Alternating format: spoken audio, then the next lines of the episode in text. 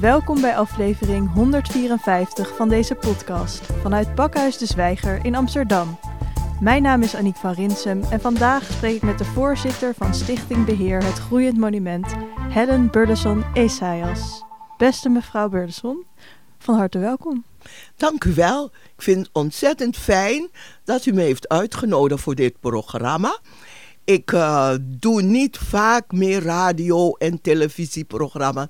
Ik zeg meestal, dat heb ik gehad na al die jaren van publieke optredens. Maar toen Angelique me vroeg, Angelique Homoed, dacht ik van nee, Angelique is zo'n aardig mens, doet met ontzettend veel uh, de drive, de drive die ze heeft voor haar werk, denk ik nee als Angelique me dat vraagt, dan ga ik dat doen. Nou, dat is mooi. Dan hebben we denk ik een gelijkgestemde mening over Angelique. En uh, heel erg fijn inderdaad dat u wil aanschuiven. Um, u heeft ook zelf een enorme drive. Um, en om even terug te gaan naar het verleden. In 1971 kwam u naar de Belmer als stagiaire pedagogiek. Waar ging je toen precies aan de slag? Ik ging aan de slag bij het Belmer project. Er was een Belmer project opgericht uh, voor de instroom van de kinderen en hun ouders natuurlijk, want de kinderen kwamen niet alleen met hun ouders, die de Bijlmer inkwamen met verschillende achtergronden, nationaliteiten. Surinamers, Antillianen, Turken, Marokkaanse, kinderen van Chinese afkomst, noem maar op. En um, het onderwijs in 1971 was toen toch meer geënt op autochtone Nederlandse kinderen. Uh, de leraren of de onderwijzers, leerkrachten, nou ja, die hadden onvoldoende ervaring met die grote diversiteit van kinderen met verschillende achtergronden, die als het ware de Bijlmer instormden. op een positieve manier. Ik vond het heerlijk. want, want, ja, ik herkende me een beetje in, ja, wij kwamen ook, ik kwam ook in, uh, in uh, wanneer kwam ik, uh, in 1961 kwam ik naar Nederland. En ja, toen waren er echt niet zoveel zwarte mensen in, in Nederland. Uh, vanaf de 40er, je kunt 50er jaren kwamen er. Maar ja, dat viel wel mee. En nu kwamen ze in grote getalen. En ik dacht, ja, fijn, ik herken me in de mensen om me heen. Ik vond het geweldig dat Nederland wat diverser werd. Maar Nederland is altijd gewoon een divers land geweest. Ja, precies. En wat trok u dan specifiek aan de pedagogiek? Uh, wat wilde u dan voor de, al deze kinderen gaan betekenen? Nou, ik was in Suriname al, uh, had ik uh, twee Nederlandse docenten. en één naam weet ik nog, mevrouw Intema. Die na zoveel jaren die ons les gaven. En die hadden ja, volgens mij pedagogiek of psychologie gestudeerd.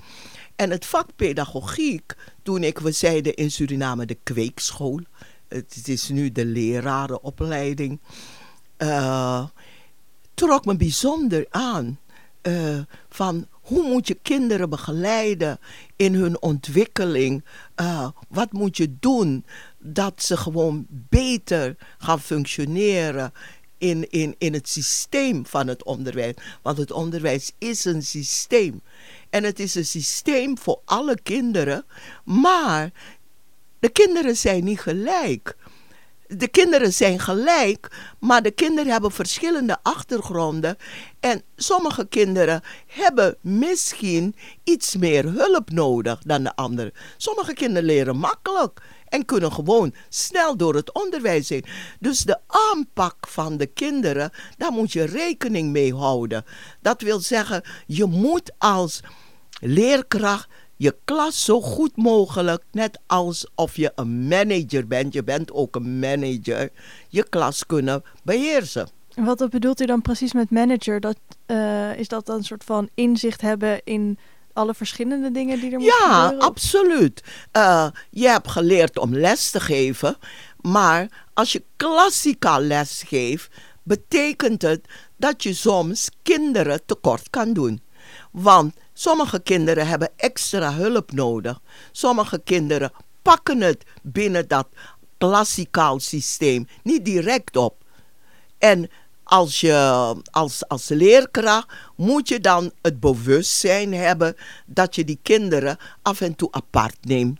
Dat je ze extra hulp geeft, extra instructie, noem maar op. Dus dat soort dingen, uh, da, da, daar zul je als leer, leerkracht rekening mee moeten houden. Precies, en een jaar later in 1972 heeft hij ook een stimuleringsregel eh, specifiek voor deze kinderen. Uh, wat hield dat precies in, die stimuleringsregel? Stimuleringsregeling, ja, we hebben er zoveel gehad in Nederland. En een stimuleringsregeling is dat je kinderen eigenlijk heel breed gezegd extra kansen geeft. Extra kansen geeft in het onderwijs. En dat betekent dat je rekening mee houdt uh, dat ze misschien extra taallessen moeten krijgen. Dat ze de taal onvoldoende beheersen.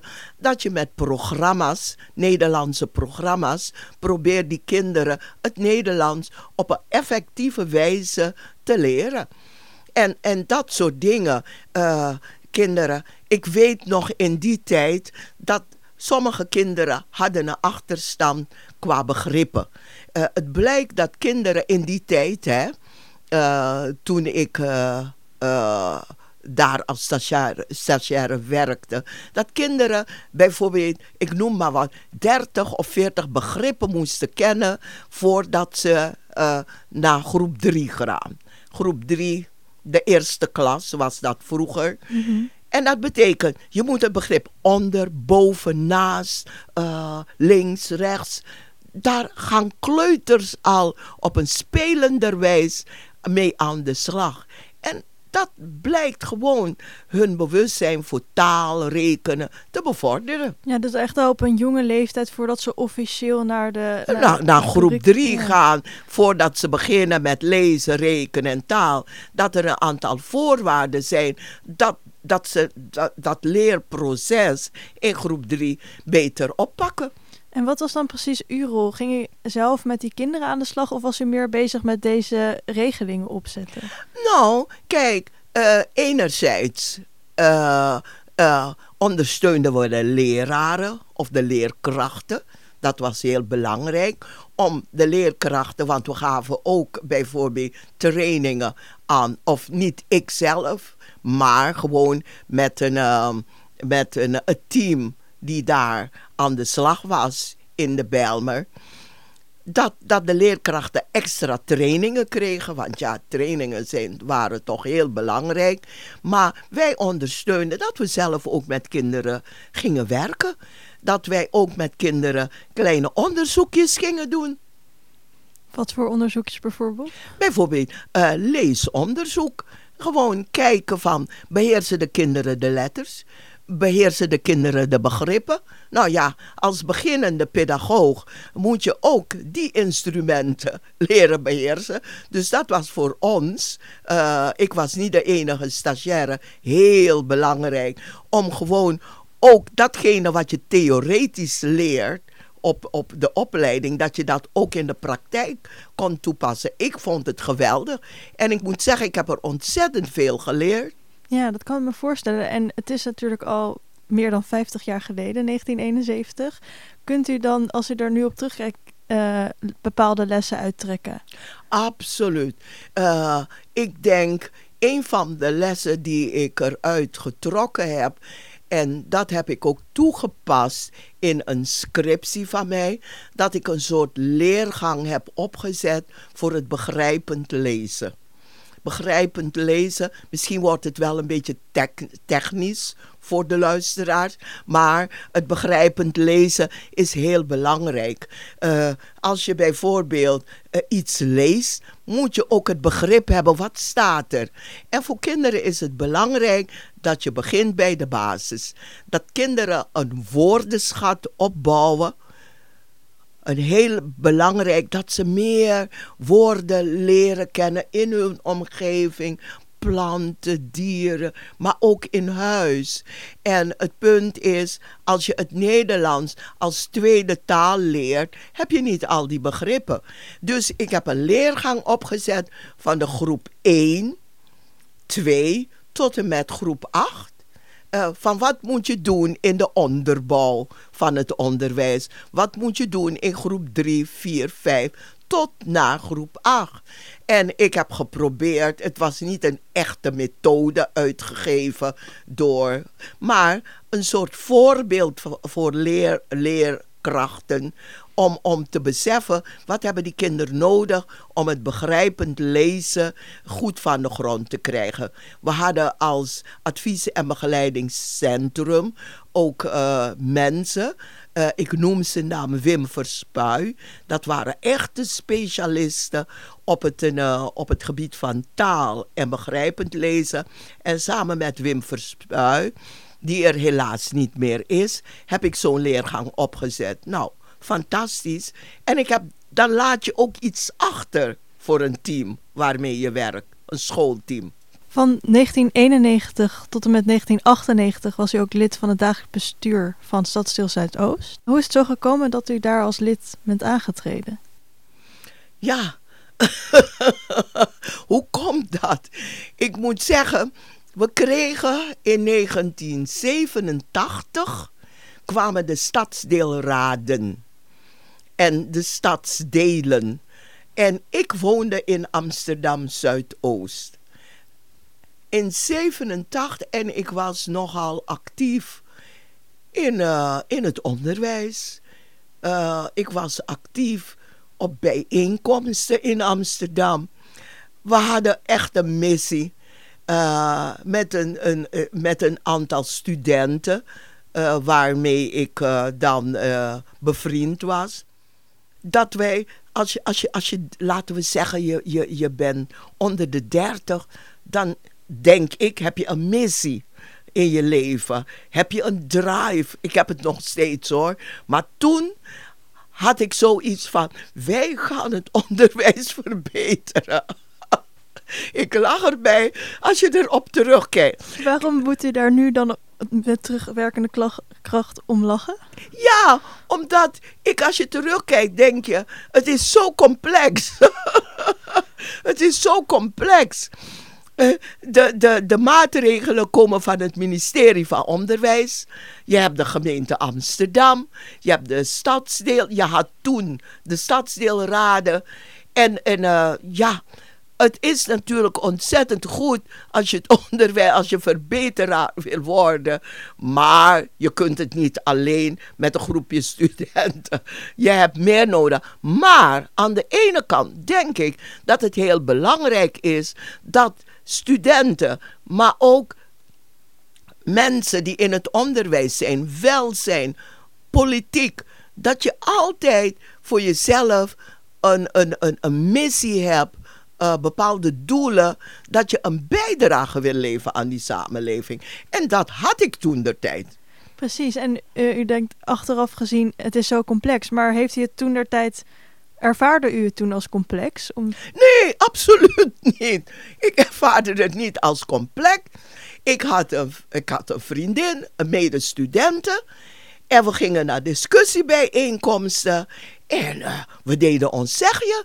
Bijvoorbeeld, we, we, vertelden dat de kinderen in het onderwijs met een grote diversiteit een andere aanpak nodig hadden. Dat ze andere leermiddelen nodig hadden. Dat ze andere boeken nodig hadden. Uh, bijvoorbeeld boeken waarin ze zichzelf konden terugzien.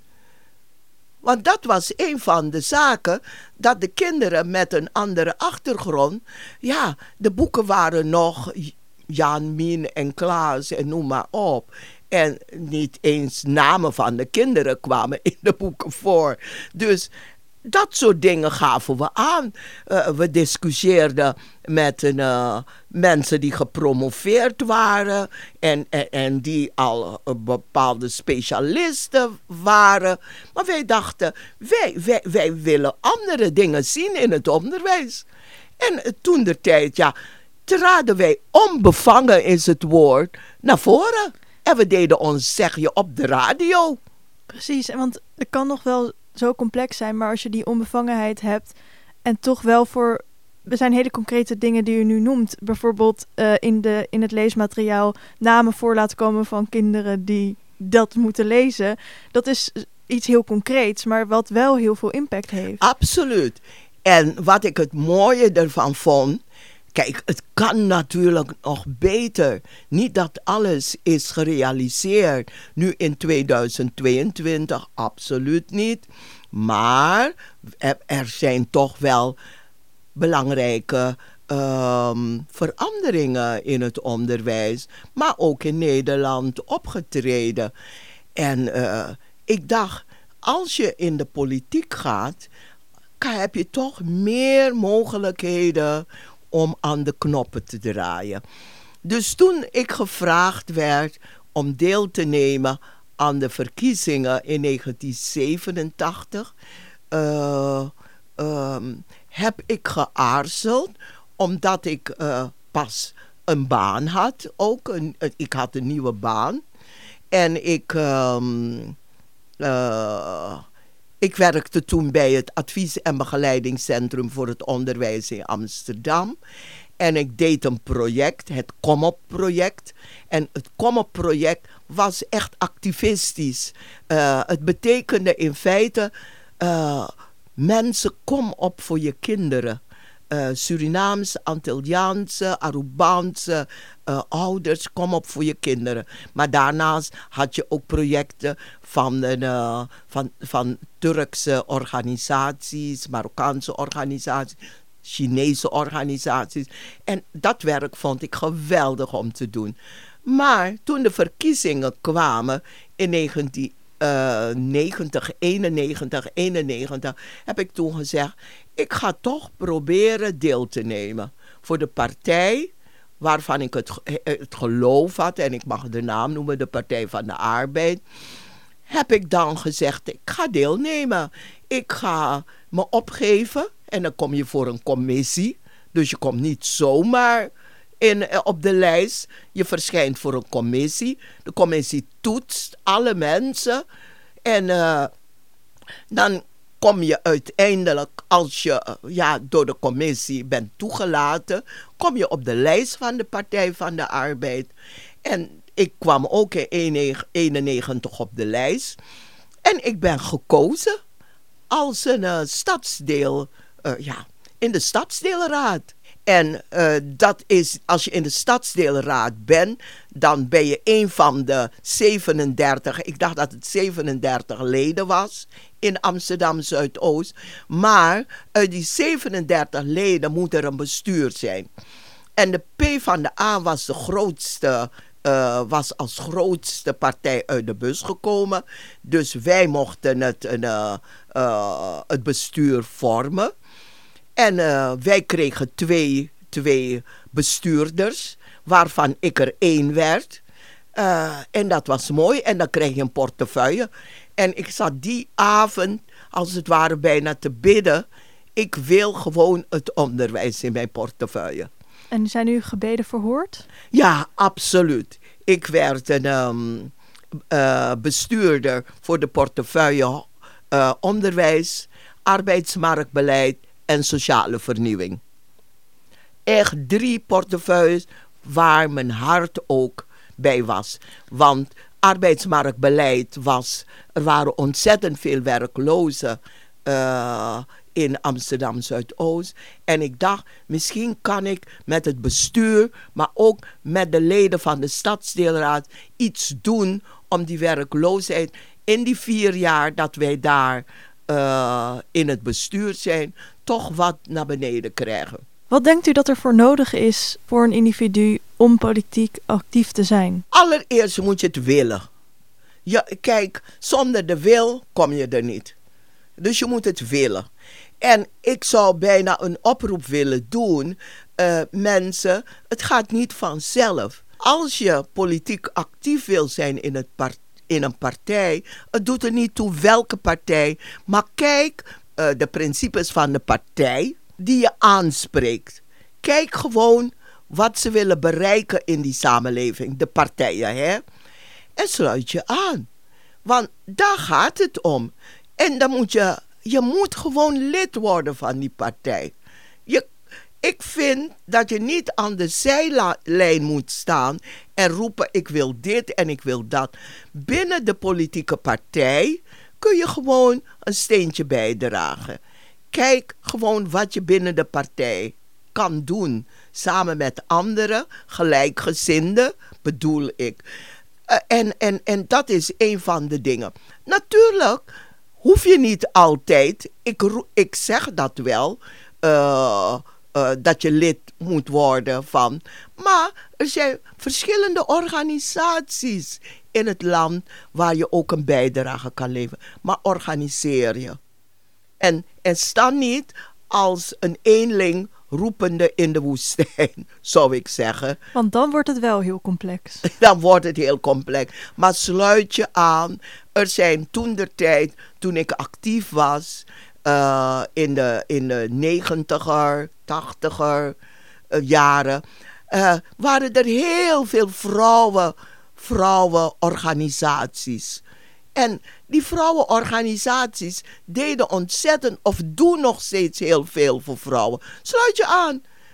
Maar ook buurtgroepen. Als je in een buurt woont, sluit je aan bij een buurtgroep om te kijken wat kan ik voor mijn buurt doen.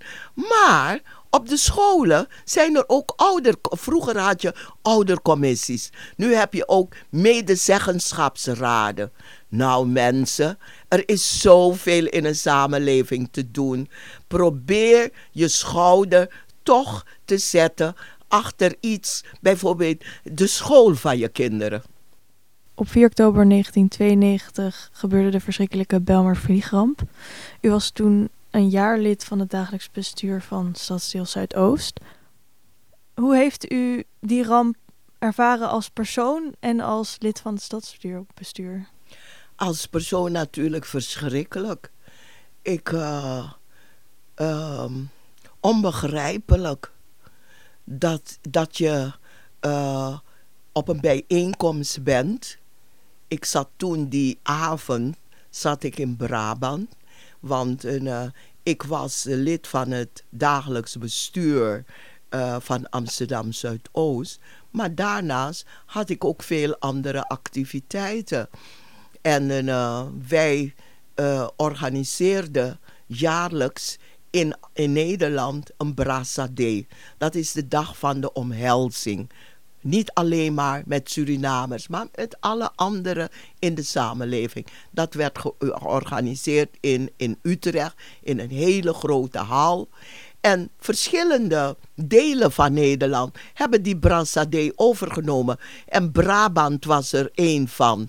En ik had een uitnodiging. 4 oktober 1992 vertrok ik samen met mijn man. Ik geloof het zou om 12 uur beginnen. Dus ik vertrok tegen een uur of half tien uit Zuidoost. Een prachtige mooie dag. En ik zei nog tegen mijn, uh, mijn man van God, wat ziet de Bijlmer er toch mooi uit. We hebben heel veel groen in de Bijlmer. Maar in die, op die herfstochtend, 4 oktober, ja, je kunt zeggen bijna sireen. Zo mooi. En ik kwam langs de K-buurt. De K-buurt is de buurt Kruidberg, Groeneveen, waar ook uh, over een aantal uren zo'n ramp zich zou voltrekken. Dat weet je nooit. Zo, zo, uh, uh, zo, ja, hoe moet ik dat zeggen? Je weet niet wat de toekomst. Uh, je, je, bent, uh, je, vertrekt om half tien en je weet niet dat er om zes minuten over half zeven een vliegtuig twee flats zal door, uh, zou doorboren. Dat, dat weet je niet. Dus ik zit op de bijeenkomst en ik word door een van de bestuursleden of organisatoren in een kamertje geroepen. En toen werd mij echt medegedeeld, er is iets vreselijks gebeurd in Amsterdam Zuidoost, waar u ook woont. Nou, stilte. Je begrijpt het niet. En um, ik dacht, één ding dacht ik als persoon, het is verschrikkelijk, maar ik moet mijn werk gaan doen. Ik ben bestuurder. En de andere bestuurders die zijn ter plekke. En ik ben in Brabant. Dus het eerste wat we deden, ik bedankte uh, natuurlijk uh, degene die mij, een, uh, die mij het bericht bracht. en tegelijkertijd nam ik nauwelijks afscheid van de mensen. Ik, we liepen naar de auto en mijn man reed naar Amsterdam Zuidoost. Want het enige wat ik wilde ter plekke zijn bij op het kantoor waar ik werkte, de andere medebestuurders ontmoeten en belangrijk de ambtenaren kijken wat, een, uh, wat de burgemeester, wat voor opdrachten de burgemeester Ed van Tijn zou geven. Want hij was de coördinator. Dus als burgemeester uh, is hij, was hij het hoofd van het beleidsteam. En uh, zo begon mijn avond. Ongeveer tegen een uur of kwart voor acht. Negen, acht uur, ja, kwart over acht. Was ik dan in uh, Amsterdam Zuidoost. En terwijl wij naar binnen reden, za zagen wij de chaos van auto's die langs de kant stonden. Want de politie had alles afgezet. Je kon, je kon niet doorrijden.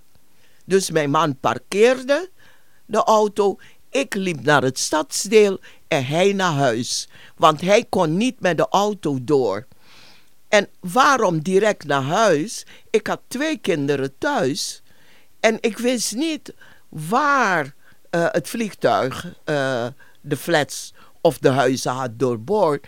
Dus de hele weg dacht ik natuurlijk aan het stadsdeel, de mensen in de flats, maar ook tegelijkertijd aan mijn eigen kinderen en het huis waarin ik woonde.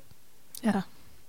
En hoe ging het met uw kinderen toen u... Nou, uh, je had geen mobiele telefoons in die tijd.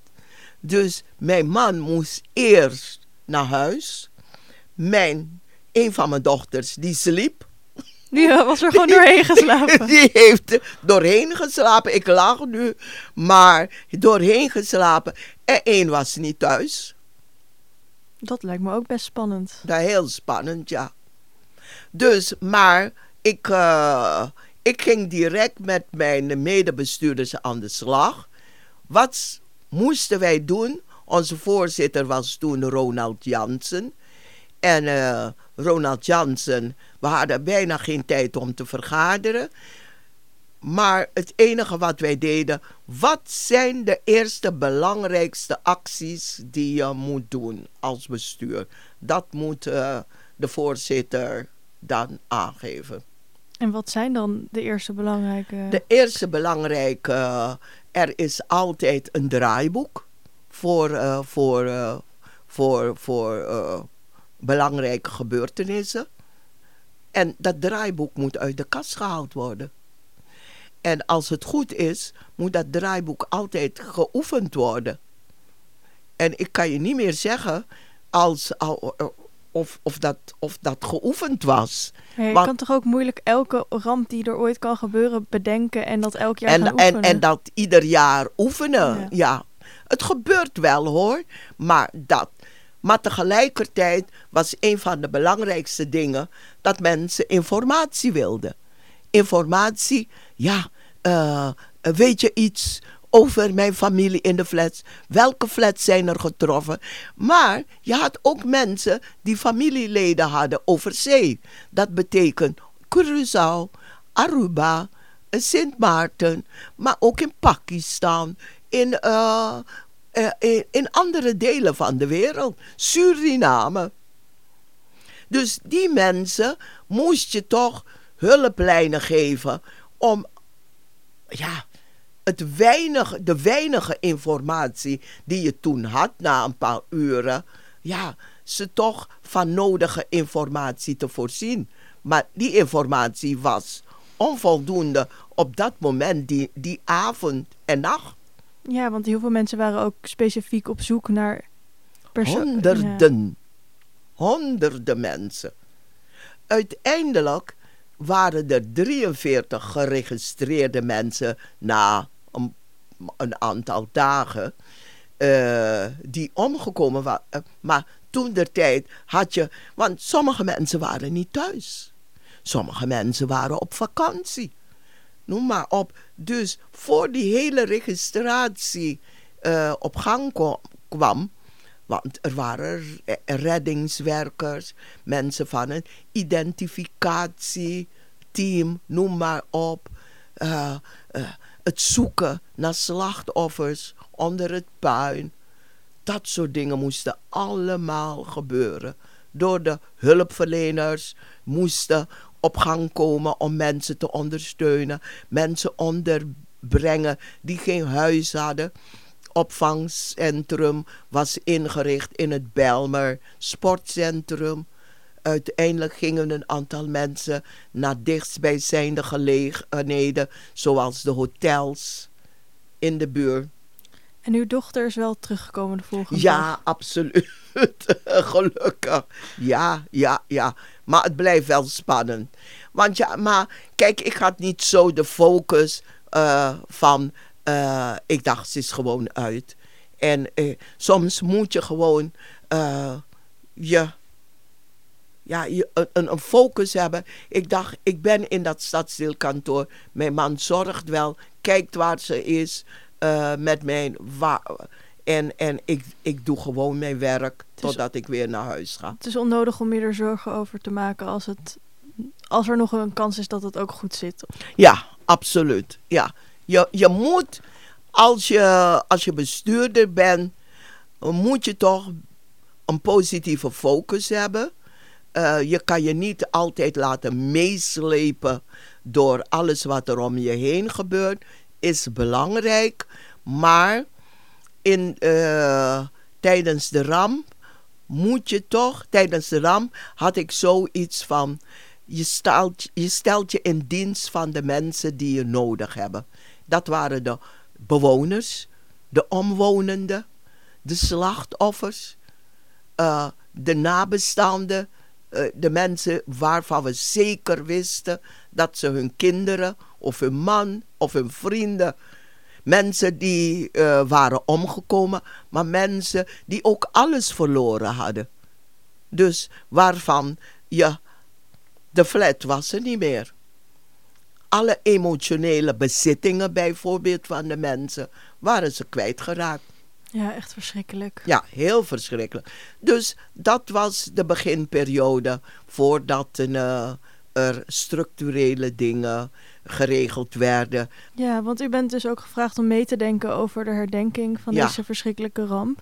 En was dat voor u een duidelijke opgave? En had u uh, het idee van de deze dingen zijn hierbij uh, heel belangrijk? Absoluut. Ik dacht, uh, de mensen moeten zich kunnen herkennen, erkennen in het programma. Het moet een programma zijn die de mensen, als het ware, een soort zelfversterking geeft. Uh, de mensen moeten voelen dat, uh, dat ze gewoon gesteund worden. Niet alleen maar door het bestuur, maar door de mensen van heel Nederland en zelf buiten Nederland. En ik vond het toen ontzettend goed dat er vertegenwoordigers waren van het Koninklijk Huis. Dat was toen der tijd prinses Juliana met haar kleinzoon Willem-Alexander, onze huidige koning. ja, en uh, wat ik ook mooi vond, is dat een, um, ook nu uh, prinses, maar toen onze koningin Beatrix, kort na de ramp gekomen is naar het stadsdeel. De mensen heeft bezocht in het Belmer Sportcentrum en heeft gelopen dwars door het getroffen rampgebied. Samen met een, uh, haar zoon onze huidige koning, Willem-Alexander. En dat heeft de mensen gesterkt. Ik heb onlangs nog een, um, een, een, een verhaal gehoord van mevrouw Truideman, die ook twee kinderen in de ramp heeft verloren. dat ehm, eh, de koningin toen heeft gesproken met haar man, die ook nu uh, helaas uh, er niet meer is. En dat had hem ontzettend goed gedaan. Dus dat soort reacties vind ik heel waardevol. En uh, na uw bestuursperiode bent u ook aangetreden als voorzitter van Stichting Beheer het Groeiend Monument. Uh, wat houdt die rol als voorzitter precies in? Nou, toen de tijd, dat was in uh, ja, 2000, dacht ik, 99, 2000, werd uh, de stichting opgericht. En uh, mensen denken, Helen Burleson heeft dat gedaan. 30 jaar, nee hoor. De eerste jaren heeft het stadsdeel het zelf gedaan.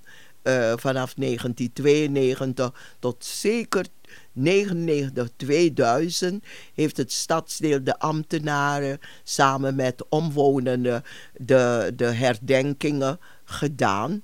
In, in de moskee, de Taiba, vaak. En ik stopte als bestuurder in 1998. En toen al uh, was er sprake van, misschien moet er een stichting komen voor het beheer en onderhoud van het monument. Ik, uh, toen ik stopte, vroeg men heel voorzichtig of ik de rol, uh, of ik een rol zou willen spelen in, in de stichting ik moest, er, ja, ik moest er toch even over nadenken. Want als je ja zegt, dan betekent het dat je een nieuwe rol op je neemt. En, en, en dan moet je dat ook goed doen. Maar ik dacht, omdat ik dat, dit in 1992 heb meegemaakt, ik toch een hele geschiedenis voor mezelf wist hoe dat allemaal gelopen was, al de rapporten had gelezen, dacht ik misschien is het goed als ik met de andere bestuurders zou kijken om, om, om iets te doen ook in deze periode van het jaar uh, eh, 2000.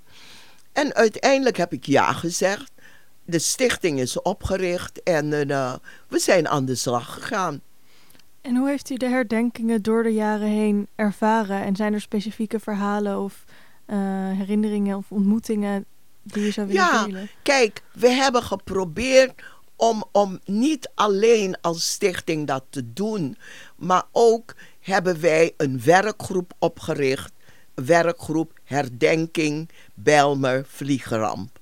En in die werkgroep zaten er nabestaanden, uh, actieve buurtbewoners en mensen die een steentje wilden bijdragen aan de, uh, aan, aan de herdenkingen.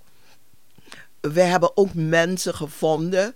Uh, ik noem één naam, Dineke Heil, die ook als, uh, als hulpverlener bij de vrijwillige brandweer heeft meegeholpen. Dineke is helaas dit jaar overleden. En, en mensen die aan de lijve hadden gevoeld wat het betekent om de slachtoffers te ondersteunen. En met die groep, samen met het bestuur, hebben wij geprobeerd om zoveel mogelijk activiteiten op te zetten. Dat betekende niet alleen maar de herdenkingen, maar bijvoorbeeld met kunstenaars en scholen. Kijken van uh, hoe kun je gewoon deze uh, herinneren. Door bijvoorbeeld ook scholen en het onderwijs te vragen. Je kunt het ze niet opleggen. Aandacht te besteden. Ik begon met het geven van rondleidingen bij het monument. Uh, we hebben gevraagd een school om het monument te, te adopteren. Uh, zodat de schoolkinderen ook uh, met behulp van het stadsdeel en met uh, uh, mensen van de stichting uh, schoonmaakactiviteiten deden bij, een, bij het monument. Als een soort voorbeeld, dit monument moeten jullie in ere houden. En bijvoorbeeld niet zomaar blikjes en papier gooien. Het moet een plek zijn van, van bezinning. Het moet een plek zijn waar alles schoon en mooi wordt gehouden. We hebben een boekje uh, geschreven van wat betekent dit monument zowel een gedeelte in het Nederlands en een gedeelte in het Engels. We hebben ook teksten in dat kleine boekje opgenomen van, van, van mensen die als slachtoffer werden gemarkeerd. Dus we probeerden iedere keer weer activiteiten te doen om te laten zien: dit monument is niet zomaar een monument, maar het is een monument om te herdenken, te herinneren, maar ook dat wij gewoon activiteiten uitvoerden. En niet alleen maar een herdenking op 4 oktober. Door ook al die activiteiten te organiseren, ging het dan om het eigenlijk een vorm geven aan de verwerking? Of wat waren de ideeën daarover, of de gevoelens nou, daarbij? Natuurlijk, het ging om de verwerking, maar het ging ook uh, dat de mensen, vooral de mensen uit de werkgroep, hun ideeën konden inbrengen en dat we met z'n allen gestalte konden geven aan, aan, aan, aan het totale verwerkingsproces. Dat het niet alleen maar ideeën waren van het bestuur, maar ook dat die gedragen werden door, door, door de buurt, door, door, de, door nabestaanden. En ik moet zeggen, we hebben natuurlijk niet alle nabestaanden kunnen bereiken. Maar het is wel zo dat we enkele nabestaanden hebben die steeds meedenken. Tot deze dertigste herdenking zijn er toch wel enkele nabestaanden slachtoffers bij betrokken. En dat vind ik heel belangrijk. Want het gaat om de mensen die gewoon deze vreselijke ram getroffen zijn, moet ik zeggen, door deze vrede. We zijn allemaal getroffen, maar als je je kind verloren hebt, als je huis verloren hebt, als je al je bezittingen verloren hebt, uh, nou ja. Er zijn geen woorden voor. Uh, er zijn geen woorden. En dat gaat gewoon door tot vandaag. Maar wat ik het belangrijkste vind, is dat veel mensen toch de kracht hebben gevonden om door te gaan met hun leven. En een van de mooiste dingen vind ik wat we in Zuidoost en in 1992, maar tot nu, kun je zeggen de verbondenheid, de saamhorigheid, wat we toen de tijd met elkaar voelden dat wil ik ook proberen uh, beetje naar voren te halen, ook bij deze 30-jarige herdenking. Uh, het is niet iets van een aantal mensen, 43 mensen, die uh, hun kind, hun man, hun vriend, hun vriendin verloren hebben. Het gaat om ons allen het leed wat de mens heeft getrokken, raakt Amsterdam Zuidoost. Dat raakt Amsterdam. Dat raakt heel Nederland. Dat raakt mensen in de wereld. Want de mensen hebben ook families in verschillende landen. Ik kreeg eergisteren een, een mailtje uit, uit, uit New York uh, van een meneer die wilde weten hoe, hoe, hoe de herdenking dit jaar plaats zou vinden. Nou ja, ik heb een ondersteuner, Nora.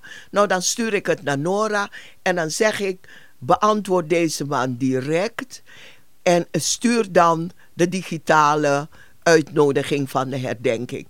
Dus je ziet hoe dat, hoe dat, hoe dat doorwerkt dat ja, werkt nog niet. mensen nog steeds heel diep raakt. Ja, absoluut. U heeft het ook over het monument en de stichting heet ook Stichting Het Groeiend Monument. Voor de mensen die het monument nog nooit hebben gezien, hoe ziet het eruit?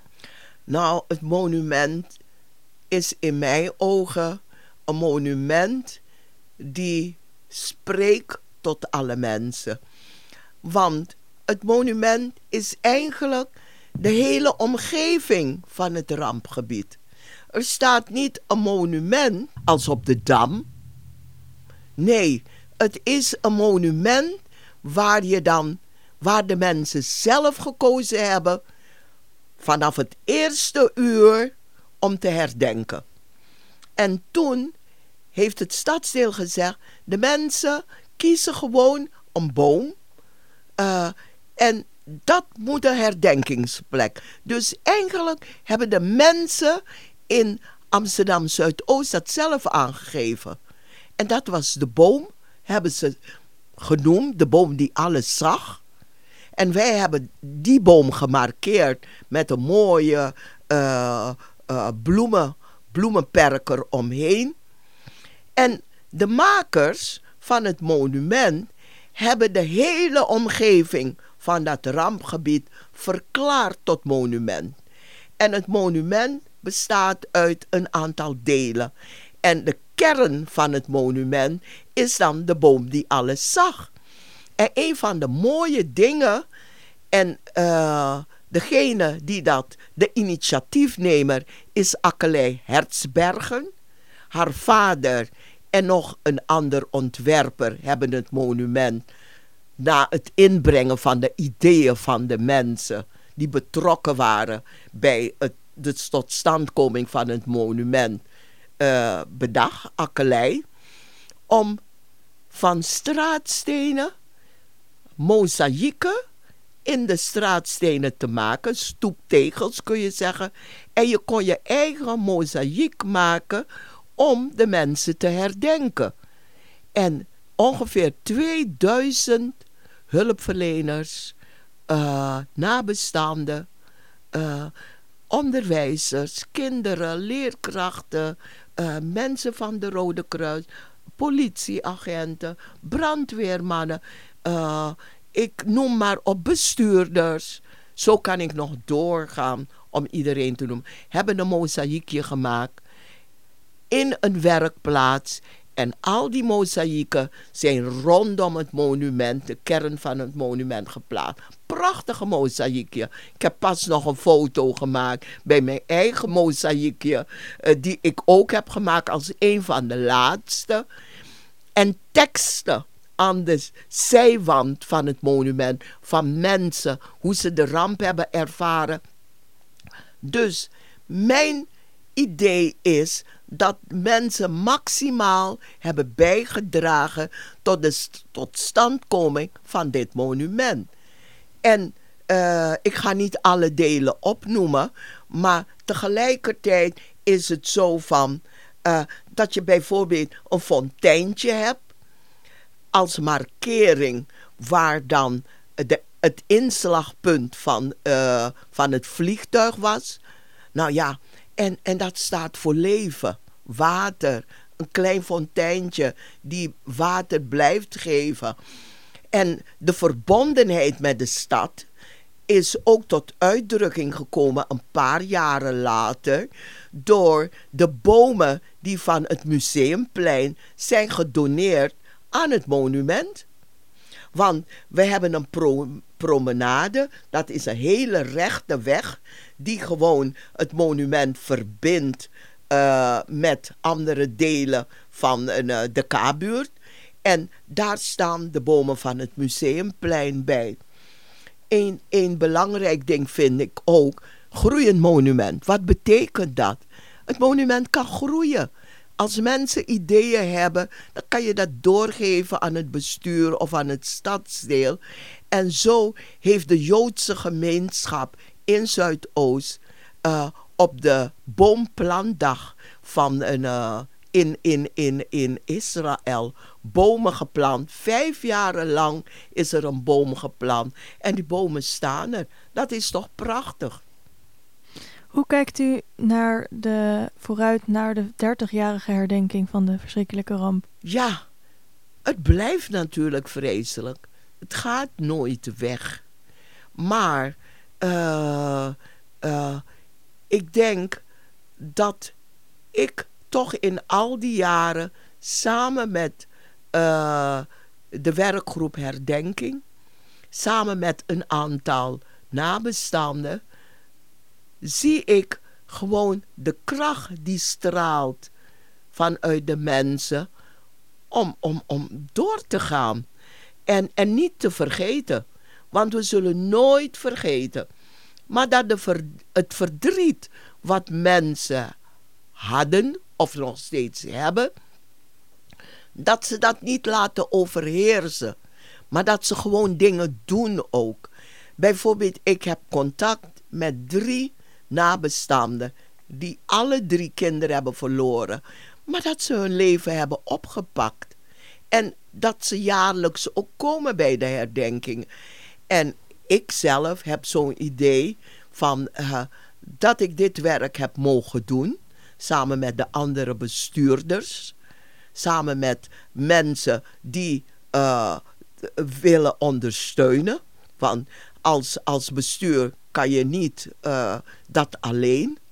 We hebben ontzettend veel vrijwilligers die jaarlijks ondersteunen. Ik, ik, ik vind het geweldig. En ik wil mensen bedanken dat ze dat blijven doen. En dat ze jaarlijks blijven komen. Om, om, om, uh, om de mensen te herinneren en de mensen te herdenken. Dat blijft mij bij. En dat vind ik echt een uh, compliment naar al die mensen. U heeft wel eens gezegd: zonder actie kom je er nooit. Uh, waar komt uw eigen energie en kracht vandaan om de dingen die u nodig vindt te bewerkstelligen? uh, ik denk dat ik. Uh, ja, waar komt het vandaan? Mijn zus zou zeggen: het komt van boven. Ze is heel gelovig. Ze komt van boven. Het komt van de Heer. En er moet natuurlijk iets bovennatuurlijk zijn. Ik ben opgevoed, ik ben christelijk opgevoed. Ik ben gedoopt in de evangelische broedergemeente in Suriname. En uh, ik denk dat mensen gelovig of niet uh, geloofsbeleiden, dat er natuurlijke krachten ook zijn. Die je, ja, als het ware, die je, die je krijgt als mens. En ik ben gezegend wat dat betreft.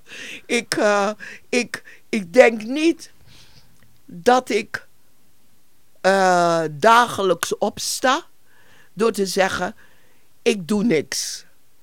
Ik, ik, ik heb altijd het vermogen om van iets kleins toch een bijdrage te, te doen. Als je me belt, bijvoorbeeld gisteren werd ik gebeld door iemand, dan probeer ik dat om te zetten in actie. Want ik zeg altijd, zonder actie kom je er niet. Je zult gewoon uh, moeten ondernemen. Als je iets wil bereiken, dan zal je iets moeten doen. En door het doen, maar ook weten wat je moet doen. Dus wat en hoe je dat moet doen. En alleen, ja, probeer ook anderen bij te betrekken. Ga niet het wiel zelf uitvinden. Want in je omgeving zijn er altijd mensen die ook een bijdrage kunnen leveren. Dus als het ware, uh, op, zijn, op zijn Engels gezegd, together, we are strong. Samen heb je kracht. En met die kracht kun je in het leven, kun je in een samenleving, ook in Zuidoost, heel veel bereiken. Heel veel dank, mevrouw Burleson Esaias. Dank je wel. Beste luisteraars, dit was aflevering 154 van de podcastserie van Pakhuis de Zwijger. Wil je meer weten? Kom dan op vrijdag 30 september om half acht naar de herdenking 30 jaar Belmer vliegramp in Nieuw Metropolis Zuidoost. Dank voor het luisteren en tot de volgende keer.